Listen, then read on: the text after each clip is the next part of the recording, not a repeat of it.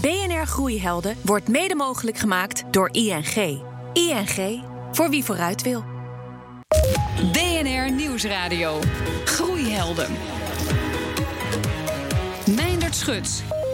Een onvoorstelbaar grote markt en legio groeikansen. Amerika geldt voor heel wat Nederlandse groeiondernemers nog steeds als het beloofde land. Welkom bij BNR Groeihelden met vandaag alles over groeien in de States. If I can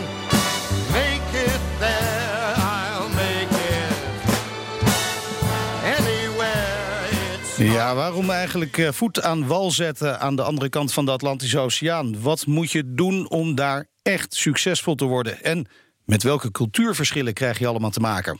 En dit zijn de groeihelden van deze week. Deze week. Deze week. Ze bedenkt influencer-campagnes voor grote merken over de hele wereld. Probeerde het al twee keer in Amerika, te vergeefs. Maar ze laat het er niet bij zitten en gaat er nu opnieuw voor.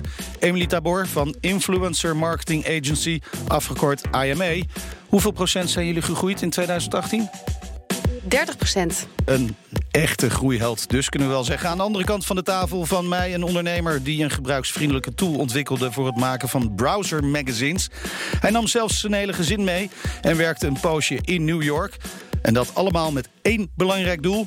slagen in de States. Daan Reinders van Instant Magazine. Ook nog aardig gegroeid afgelopen jaar? Eh, ja, zeker. Uh, meer dan uh, 50% En in de US 100% Ja, want als je van nergens begint, dan gaat het hard. Twee heel verschillende bedrijven, kunnen we wel zeggen. En toch hebben jullie wel iets met elkaar gemeen. Allebei zijn jullie actief in de Verenigde Staten. Daan, waarom vond jij het uh, belangrijk om daar een kantoor te openen met Instant Magazine? Amerika is natuurlijk de grootste markt hè, met een uh, met een eenduidige taal. En 350 miljoen uh, inwoners. Dus een supergrote markt. En uh, Amerika aan zich is, uh, is ook nog een keertje het land waar zeg maar, marketing en communicatie behoorlijk uh, groot is. En dan specifiek New York is dan denk ik de belangrijkste stad in Amerika voor media. Ja, is het ook logisch, automatisch logisch de meest logische plaats? Hè? Is dat zo belangrijk om in New York te gaan zitten? Want er zijn nog heel veel andere grote steden in Amerika. Ja, wat ik zeg, de meeste media- en marketingafdelingen en communicatieafdelingen zitten in New York. Dus de marketingafdeling van Google zit niet in San Francisco, maar zit in New York. Dus uh, ja, dat zijn uh, voor ons wel belangrijke statistieken, maar ook de uh, tijdverschil, zes uur, nog wel te doen. Als je naar Ja, ja. de West Coast gaat, heb je met negen uur te maken, wat toch lastig is qua beheerbaarheid. Um, en het is goed aan te vliegen. Er zijn heel veel faciliteiten voor Nederlandse bedrijven in New York. Dus dat uh, allemaal samen heeft ons doen besluiten om uh, New York uh, te selecteren. Nou, Emily, voor jullie is het de derde poging hè, om een fysiek kantoor op te zetten in de Verenigde Staten. Vorige twee keer ging het mis. Wat, wat doe je nu anders? Want je hebt er ongetwijfeld heel veel van geleerd. Hè? Wat, wat doe je nu anders dan die andere twee keer? Ja, nee, zeker. Heel veel van geleerd. Kijk, het grootste verschil is dat we er dit keer heel veel, uh, niet alleen geld, maar tijd in hebben geïnvesteerd. En okay. hebben gezegd van als we het doen, dan doen we het goed. De eerste twee keer hebben we er één iemand neergezet en die runde de hele business voor ons. Dat werkt niet. Je wil echt dat iemand het gevoel van het Nederlandse kantoor, IMA hier, ook daar heeft. En dat doe je door middel van een aantal mensen van je team hier daar naartoe te sturen. Um, gelijk met een, een team van minimaal vijf man daar te starten.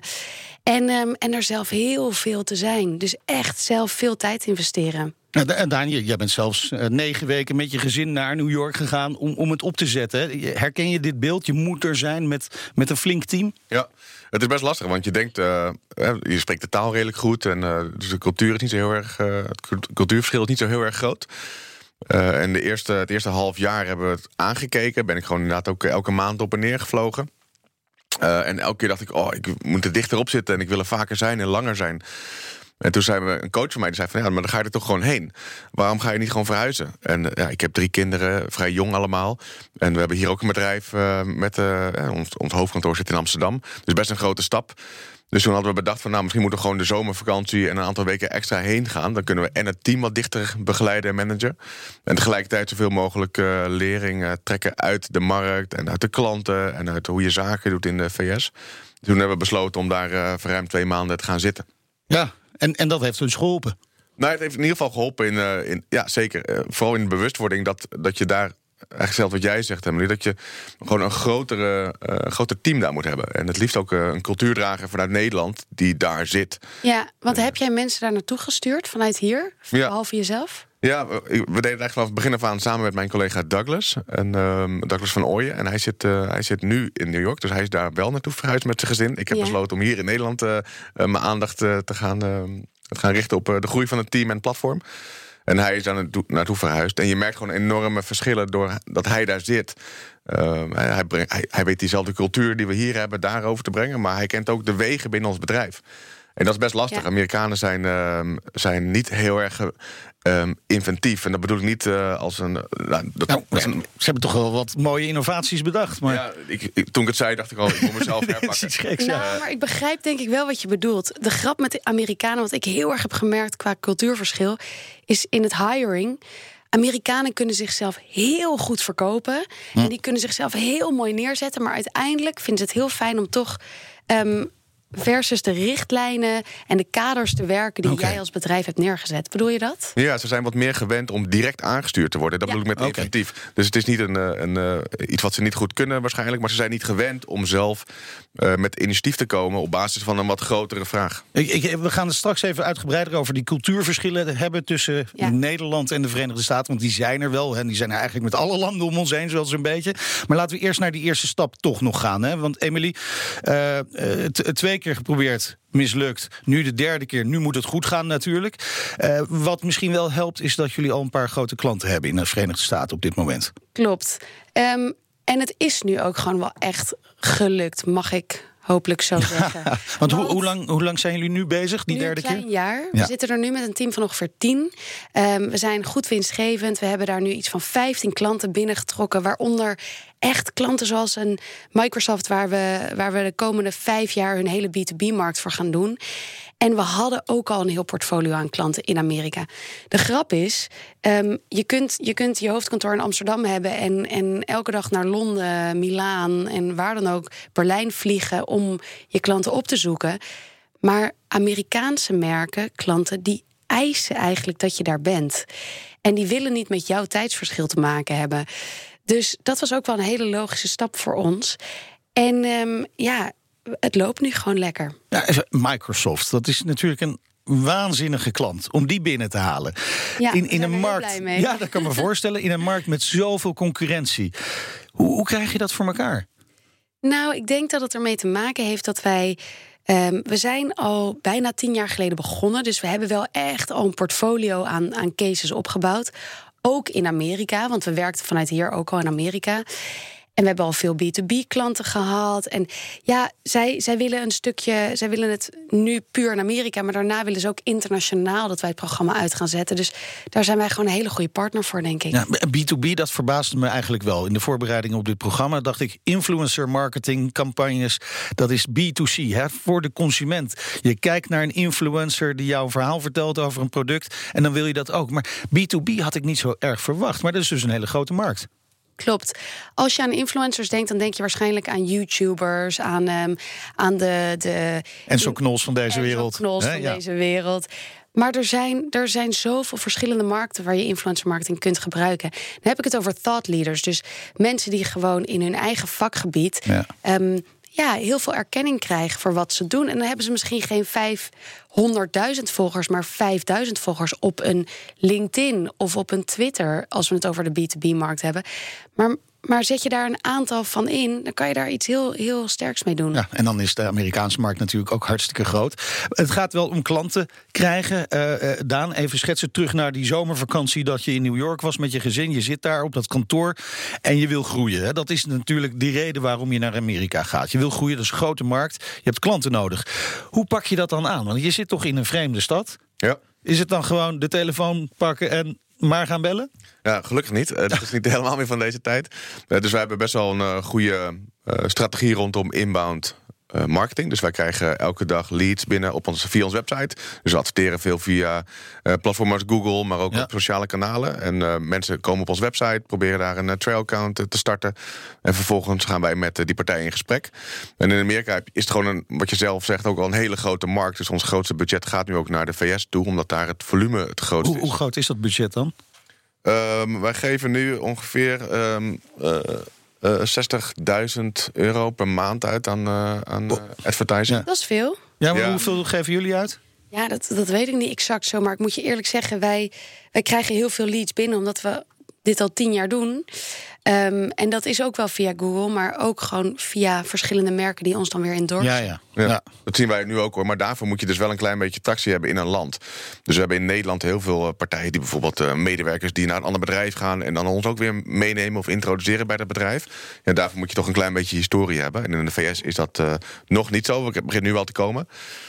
Um, en daar zijn we ook wel andere kanalen aan het uh, openen, zoals events en, uh, en uh, wat meer ja. via resellers. Maar ik las, je, had, je had, hield een blog bij, hè, Daan, toen je daar was in, ja. in New York. En daar, zag ik toch, daar las ik toch ook dat je ook medewerker had... die gewoon 175 telefoontjes per dag pleegde. Ja. ja.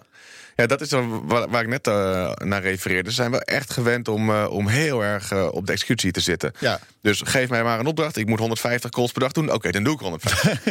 ja, en, hoe lang het ook duurt. We ja, gaan ervoor. Ja, ja. Dus dat, dat is wel een hele toffe mentaliteit... wat we ja, hier in Europa minder zien in ieder geval. Ja. Zou jij zeggen dat Amerikanen hardere werkers zijn dan Nederlanders, of niet? Ja, ik vind het altijd moeilijk om een soort generieke yeah. uh, opmerkingen te plaatsen. Maar uh, ik denk wel dat, dat Amerikanen wel gewend zijn. Uh, ze werken heel erg hard aan hun eigen carrière. En wat, wat denk ik wat meer nog dan hier. Dus uh, de dame waar we het in de blog over hadden, die 175 calls per dag deed, die was zo ongekend ambitieus. En die, die zag ook echt een pad voor zichzelf. Die had de hele carrière al uitgestippeld. Van ik moet dit gewoon eerst. Ik wil bij een tech startup werken, twee jaar lang. En dan wil ik gewoon eerst op, uh, op een uh, business development rol zitten. Maar Dat, die heeft dus de hele, hele carrière-cyclus al uitgedacht. Eh, ze denken sowieso wel in Amerika in cycli volgens mij. Want Ja. ook de salescyclus die is weer anders dan we die kennen als in Nederland. Ja, eh, iets, meer, iets sneller, hè, iets meer instant. En, ehm, en, eh, en mensen hebben weinig eh, geduld. Dat merken we ook aan klanten. Hè. Dus als Ja. je hier een klant belt om een demo te geven, dan nemen ze de tijd. In Amerika is de eerste opmerking: Oh, I only got five minutes, man. Eh, Oké. Ja, ken je dat, Emily? Ja, je wordt soms niet eens een kopje koffie aangeboden als je een uur in de auto zit om een eh, klant te bezoeken. Dat is echt bizar. Dat, dat is gewoon zo. En ehm, kijk, de, de marketingbudgetten zijn een stuk groter, dus dat is heel fijn. En daarnaast.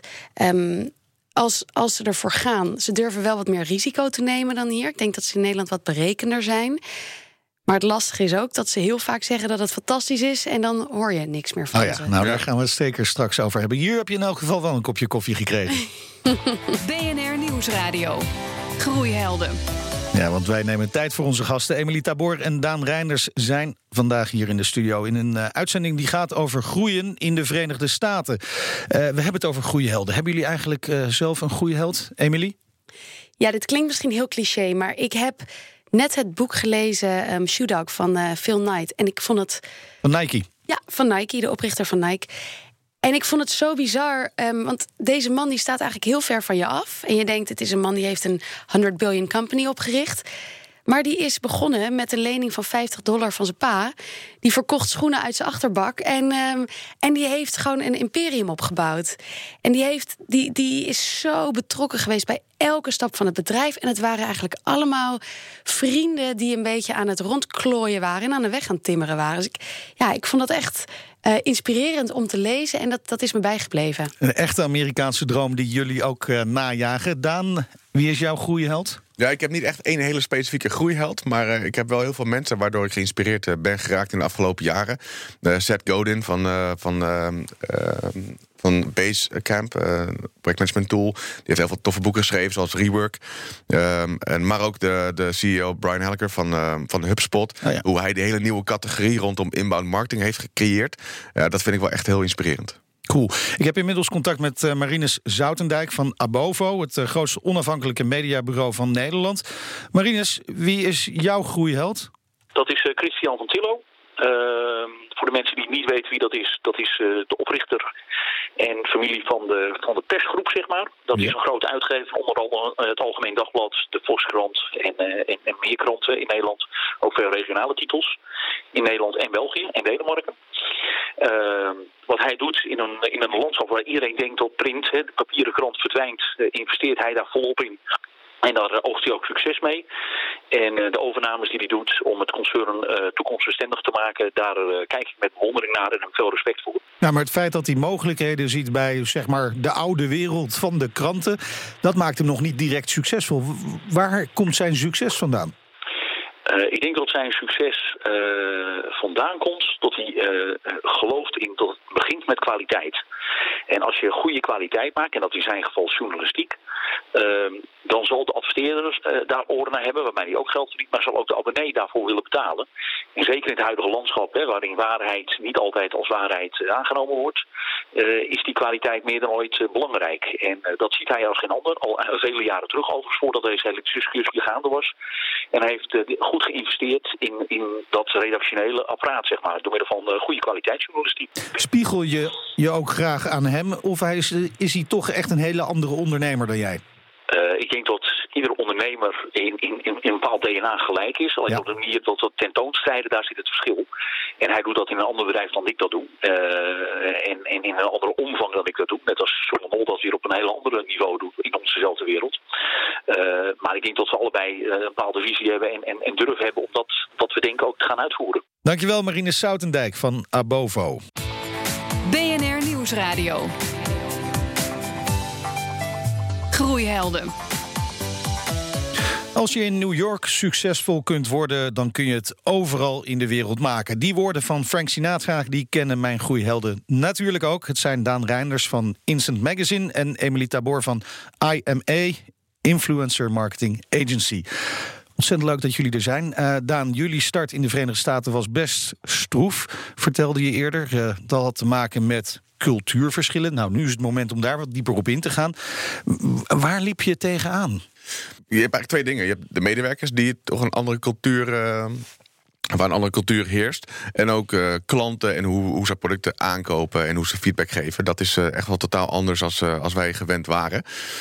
dus ja bijvoorbeeld als je begint uh, over klanten, dan zijn die over het algemeen best wel enthousiast. En uh, vinden wij het als Nederlanders, of laat ik het op mezelf betrekken, vind ik het in ieder geval heel erg lastig om goed in te schatten wat ze nou precies bedoelen.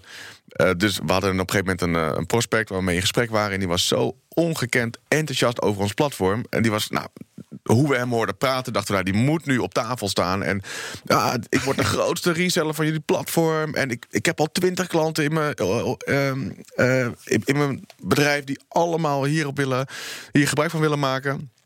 Uh, en ik denk dat we volgende week vrijdag de eerste aansluiten. Nou, de volgende drie gesprekken waren ook zo enthousiast. En op een gegeven moment hoorden we helemaal niks meer. Ongelooflijk. hè? uh, dus het, en, het was gewoon een eenpitter die helemaal niks uh, Oké, okay, okay. Het is zo lastig om dat... Uh... Ja, ik, ik kan me voorstellen dat je... Want als je een Nederlander zoiets tegen je zegt... Ja, dan, dan een Nederlander die zo enthousiast is... dan moet het wel waar zijn precies, precies. Maar, maar, in Amerika speelt dat dus anders, Emily. Is dat ook iets wat jij hebt ervaren? Ja, zeker. Klopt helemaal. Kijk, soms is het leuk, want ze zijn heel vrolijk en vriendelijk en, en gezellig. Maar het is gewoon heel lekker als mensen zeggen waar het op staat. En dat heb je in Nederland natuurlijk veel meer dan daar. Ja. Ook, ook met het hiring, hè, met, met alle sollicitanten. Ze kunnen alles wat je vraagt, ze kunnen zich verkopen als geen ander. Maar het moet maar blijken. En ja. wij hebben daar echt uit geleerd: referenties zijn key. En dan het liefste referenties van mensen die je echt, echt persoonlijk kent. En, ehm, en wat wij ook heel belangrijk vinden is: iedereen die we aannemen in Amerika, vliegen we eerst een maand ehm, eh, naar Amsterdam toe. En die worden gewoon hier ingewerkt. En ja. Als het dan blijkt dat het helemaal niet waar is wat ze allemaal gezegd hebben, ja, dan, dan moet je toch een ander gesprek samen gaan. Maar, maar wil je ze dan ook een beetje die Nederlandse cultuur van het bedrijf meebrengen? Ja, dat vinden wij wel heel belangrijk. Kijk, we hebben een hele ervaren SVP, Senior Vice President. Dat is belangrijk, hè, daar. Titels. Titels zijn in Amerika key. Dat is echt heel belangrijk. Maar wat staat er op jouw kaartje? Ja, eh, ik zou heel langs. weten. Founder. Ja, ja. Ehm, ik moet eerlijk zeggen, ik wist niet wat SVP was. Sterker nog, ik had op een gegeven moment een, een afspraak in Amerika met een SVP. En ik dacht, nou, nou, hier gaan we het krijgen. Dit gaat het nou, worden. Dat, dat bleek gewoon iemand zoals wij allemaal Ja, te zijn. Ja. Maar wij hebben, wij hebben een hele ervaren eh, dame aangenomen daar... Die, die elf jaar ervaring in het vak heeft. Veel referenties van gehad en die doet het geweldig goed. Maar ehm, we vinden het wel heel belangrijk... dat de, de DNA van het bedrijf in Amsterdam daar ook gewoon doorleeft. Ja, hoe, hoe doen jullie dat? eh, Daan. Want Nou, ja. die hiërarchie, jij bent CEO. Ja. Nou, dat is wel lekker binnenkomen natuurlijk in. Amerika. Ja, dat is een belangrijk zeker, ding. zeker. ja, kijk, het zegt ons hier helemaal niks. Eh, totdat wij in Amerika waren, stond eh, mijn titel ook niet op mijn eh, visitekaartje. Wij zeggen hier tegen de CEO, ga even koffie halen. Precies, dat doen ze in Nederland ook heel vaak bij mij. Nou, ehm, wat, we, eh, wat jij zegt, Emilie, over die, eh, over die titels, dat merken wij ook. Ik heb op een gegeven moment een sollicitant gehad die zichzelf Global Marketing Director van een bedrijf noemde. Dus ik ging een beetje doorvragen naar hoe groot zijn team was dat hij dan aanstuurde. En hij bleek in zijn eentje te zijn. Ja, dan is het logisch dat je de Global Marketing Director bent. Ja, dus dat merken wij ook. Ehm, wij hebben ook de eerste collega's eerst naar Nederland gehaald. Ehm, een week, niet een maand. En vervolgens heel veel op en neer gaan vliegen. Eh, totdat we ongeveer met drie man waren. En ehm, toen dacht, dan denk je, wel, dan heb je een beetje een team... wat ook misschien wat meer self-supportive eh, is. Ehm, maar toch merk je dat daar ook hiërarchie dan belangrijk is. We hadden de gedachte dat we twee man tegelijkertijd zouden aannemen... eh, zonder hiërarchieverschil. Want dan kon je ook wat meer leunen op ja, de expertise van twee. Konden zij wat meer van elkaar leren. En als één iemand dan niet helemaal goed zou functioneren... dan, dan zie je dat. En dan kun je dat relateren aan een persoon... in plaats van een markt bijvoorbeeld. Uh, maar daar was echt een issue dat uh, de hiërarchie tussen die twee... Uh, dat was een lastig punt. Ja, en uh, toen ging op een gegeven moment een, een, vierde aannemen. En die in het introductiegesprek met mij vroeg je ook van... Hey, wie is mijn direct report? En ik zei, ja, ik ben in basis jouw direct report... maar je hebt daar gewoon drie collega's zitten aan wie je gewoon vragen kunt stellen. Ja, dat begrijp ik. Maar wat nou als, er, als zij vragen aan mij iets te doen? En ik heb daar een andere kijk op. Uh, dan overleg je dat met hun of met mij. Ja, dat ja, is maar... het Nederlandse polderen, maar dat werkt daar dus niet. Nee, nee. moet dat dan met okay. mij? Kan, ja. Ja, ja, maar is, ik, wat ik wel bijzonder vind, is jullie zijn er dus beide tegen aangelopen in jullie uh, ambitie om Amerika te veroveren. Ja. Terwijl ik denk, ja, er zijn zoveel ondernemers die jullie voor zijn gegaan. Hè? Ja. Die hebben allemaal diezelfde ervaring gehad. Had je, had je hier niet op kunnen voorbereiden? Nou, maar wij hebben ook wel heel of, veel gesprekken met anderen gehad hierover. En kijk, wij, wij hebben een hele platte organisatie hier in Amsterdam. Ja. Maddie en ik zijn, zijn het bedrijf op onze 223ste gestart. En um, ja, dan, dan gaat dat vanzelf. Want dan heb je helemaal geen zin om, om echt de baas te spelen. Verschrikkelijk. Maar in Amerika hebben mensen daar behoefte aan. Nou zijn wij, en dat wisten we ook wel van tevoren. Dus we hebben daar wel echt een senior aangenomen die, ja. die de aansturing doet. Maar we hebben toch gezocht naar een middenweg tussen het bedrijf hier en daar.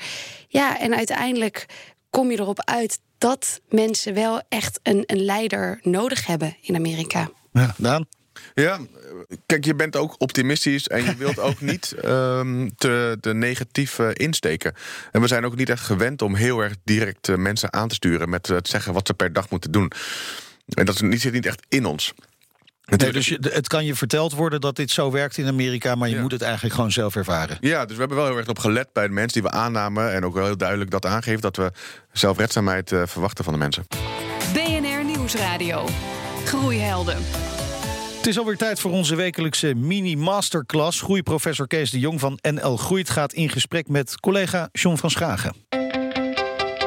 In mijn gesprek met ondernemers zie ik vaak dat ondernemers niet echt een duidelijk beeld hebben van hun eigen rol. En dan gaat het over die ene vraag die veel groeiondernemers zich vroeg of laat een keer stellen. Ben ik nou aan het leiden of aan het managen? Want even om dat helder te krijgen, dat zijn dus niet twee dezelfde dingen.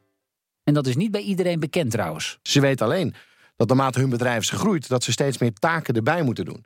He, er komen steeds meer mensen, dus, daar, dus daar moet steeds meer uh, een regeling worden getroffen. Er moet een HR-handboek komen, er, er, er, moeten afspraken worden gemaakt.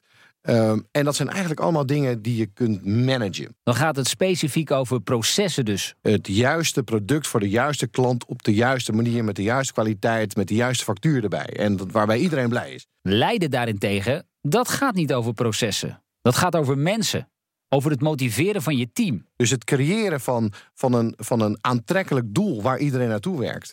Uh, zorgen dat er de juiste energie is binnen de organisatie. Zorgen dat inderdaad de, de, de visie en de missie duidelijk staat. En, en vooral dat iedereen wordt geïnvolveerd. Dat iedereen wordt geïnvolveerd met dat doel en gemotiveerd is om daaraan mee te werken. Natuurlijk, bezig zijn met innovatie, met marketing en sales. Allemaal belangrijk. Maar nog belangrijker is het om sterke mensen om je heen te verzamelen... die stuk voor stuk met hun hart in het bedrijf zitten. En dan gaan opeens dingen vanzelf. In plaats van het, het zwoegen en het zweten en het bedrijf eh, tot 11 uur s'avonds maar, maar doorploeteren. Het leiden van je bedrijf is dus niet iets dat je er even bij doet. Dat je zegt, oh het is vrijdagmiddag en maandag starten twee nieuwe mensen. En oh ja, we hebben nog een mooie klant binnengehengeld. Ik zal mijn mensen maar even informeren met een mailtje. Ah, ah. Volgens Kees is Leiden de absolute topprioriteit van elke groeiondernemer. De troepen toespreken en iedereen meenemen in het verhaal. Waarom je doet wat je doet, waarom dat belangrijk is en waarom iedereen, ieders aandeel in dat verhaal zo belangrijk is. En dan worden mensen gegrepen en dan werken ze niet alleen vanuit hun hoofd en voor het geld, maar dan werken ze vanuit hun hart. En dan gaat alles makkelijker, beter en sneller. En dat zegt groeiprofessor Kees de Jong van NL Groeit in gesprek met John van Schagen.